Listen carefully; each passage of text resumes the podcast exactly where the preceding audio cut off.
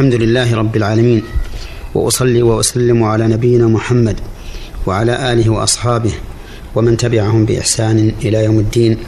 أما بعد أيها الإخوة المستمعون فهذه هي الحلقة السادسة والخمسون من برنامج أحكام من القرآن الكريم. نتكلم فيها على قوله تعالى وإذ استسقى موسى لقومه فقل نضرب بعصاك الحجر فانفجرت منه اثنتا عشرة عينا. قد علم كل أناس مشربهم. كلوا واشربوا من رزق الله ولا تعثوا في الأرض مفسدين. ففي هذه الآية الكريمة يذكر الله تعالى بني إسرائيل بهذه النعمة العظيمة التي يجريها على يد نبيهم موسى صلى الله عليه وسلم. فبينما كان موسى وقومه محتاجين إلى الماء استسقى موسى لقومه فسأل الله سبحانه وتعالى أن يسقيهم فأمره الله عز وجل أن يضرب بعصاه البحر أن يضرب بعصاه الحجر فضرب الحجر فانفجرت منه اثنتا عشرة عينا. حجر واحد نبع منه اثنتا عشرة عينا على عدد أسباط بني إسرائيل. فإن فإنهم كانوا اثني عشر سبطا. هذه هذه العيون توزعت فعلم كل أناس مشربهم. هذا هؤلاء مشربهم هذه وهؤلاء مشربهم هذه وهؤلاء مشربهم هذه لئلا يحصل التزاحم بينهم والتقاتل على الماء. قال الله تعالى كلوا واشربوا من رزق الله ولا تعثوا في الأرض مفسدين. فأباح الله لهم امتنانا منه وفضلا أن يأكلوا ويشربوا من رزق الله وأن يقيدوا هذه النعم بشكرها فلا يعتوا في الأرض مفسدين وإفساد الأرض ليس الإفساد الحسي الذي يكون بتدمير الديار وتخريب الآبار والحروث ولكنه بالمعاصي كما قال كثير من السلف في قوله تعالى ولا تفسدوا في الأرض بعد إصلاحها. قال لا تفسدوها بالمعاصي. ولا شك أن المعاصي سبب للدمار والفساد الحسي لقول الله تعالى وما أصابكم من مصيبة فبما كسبت أيديكم ويعفو عن كثير. ولقوله تعالى ظهر الفساد في البر والبحر بما كسبت أيدي الناس ليذيقهم بعض الذي عملوا لعلهم يرجعون. في هذه الآية فوائد كثيرة. منها افتقار الخلق إلى الله. ولو كانوا أعلى أصناف الخلق وهم الرسل. ولهذا استسقى موسى لقومه واستسقى أشرف الأنبياء محمد صلى الله عليه وسلم لقومه حين دخل رجل يوم الجمعة والنبي صلى الله عليه وسلم يخطب فقال يا رسول الله هلكت الأموال وانقطعت السبل فادعوا الله يغيثنا.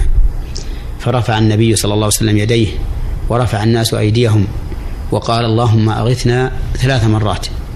قال أنس بن مالك وهو راوي الحديث والله ما نرى في السماء من سحاب ولا قزعة وما بيننا وبين سلع من بيت ولا دار. وسلع جبل صغير في المدينة تخرج من نحوه السحاب. قال فخرجت من ورائه سحابة مثل الترس والترس شيء يتقي به المقاتل حين القتال يتقي به السهام حتى لا تصيبه وهو شيء يشبه الطشت.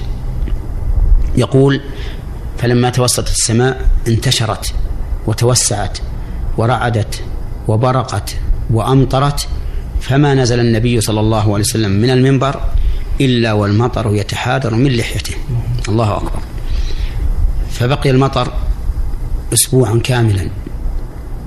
وسالت الأودية حتى سال الوادي قناة وهو واد مشهور في المدينة حتى الآن. سال شهرا كاملا.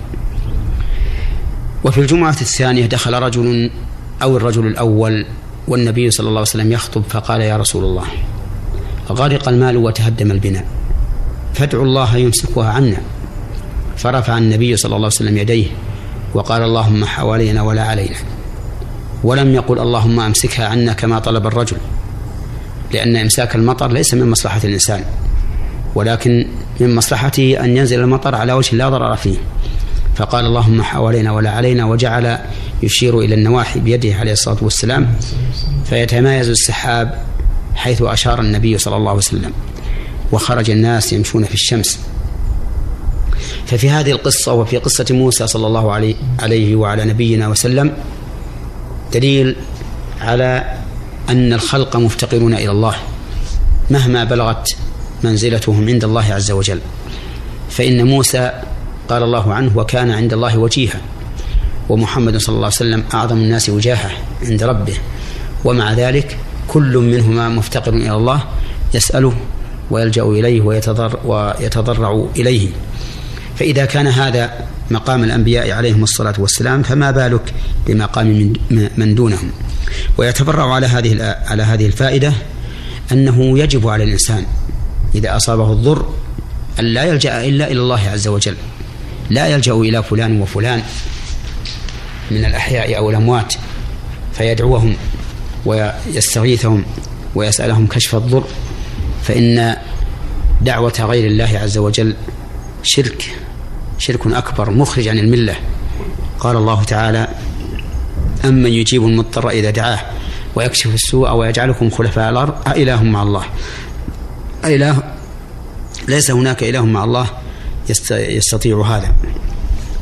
ومن فوائد هذه الآية الكريمة بيان ما حصل من عصا موسى من الآيات حيث ضرب به الحجر فانفجر فانفجر عيونا. وهذا العصا حصل فيه ثلاث آيات. عظيمة. أحد الآيات أنه إذا ألقاه صار حية تسعى والآية الثانية أنه ضرب به هذا الحجر فانفجر عيونا. والآية الثالثة أنه ضرب به البحر فانفلق فكان كل فرق كالطود العظيم. ومن فوائد هذه الآية بيان عظم قدرة الله عز وجل حيث تفجر من هذا الحجر الذي ضرب ضربه موسى بالعصا تفجر منه اثنتا عشرة عينا والناس ينظرون. فهذا دليل على كمال قدرة الله وأنه عز وجل إذا أراد شيئا فإنما يقول له كن فيكون. قال أهل العلم وما من آية من لنبي إلا كان لنبينا صلى الله عليه وسلم مثلها أو أعظم منها إما على يد النبي صلى الله عليه وسلم مباشرة أو على يد أتباعه الذين صدقوا في اتباعه. قالوا وهذا الماء الذي تفجر من الحجر لموسى صلى الله عليه وسلم حصل لنبينا صلى الله عليه وسلم ما هو أعظم منه فإن الناس في غزوة الحديبية أصابهم عطش وقلة ماء فجاءوا إلى رسول الله صلى الله عليه وسلم وكان بين يديه ركوة إناء من جلد صغير. فقالوا يا رسول الله عطشنا يعني وشكوا إليه قلة الماء فوضع النبي صلى الله عليه وسلم يده في هذه الركوة وجعلت هذه الركوة تفور كأمثال العيون. فارتوى الناس كلهم بإبلهم ورجلهم وكانوا ألفا وأربعمائة أو قريبا من ذلك. فخروج هذا الماء ونبوع هذا الماء وفوران هذا الماء من هذه الركوة أعظم من خروجه من الحجر لأن الحجر جرت العادة أن تتفجر منه العيون كما قال الله تعالى وإن من الحجارة لما يتفجر منه الأنهار. أما الركوة فلم تجري العادة بأن تتفجر العيون منها ولكن الله تعالى على كل شيء قدير. إنما أمره إذا أراد شيئا أن يقول له كن فيكون.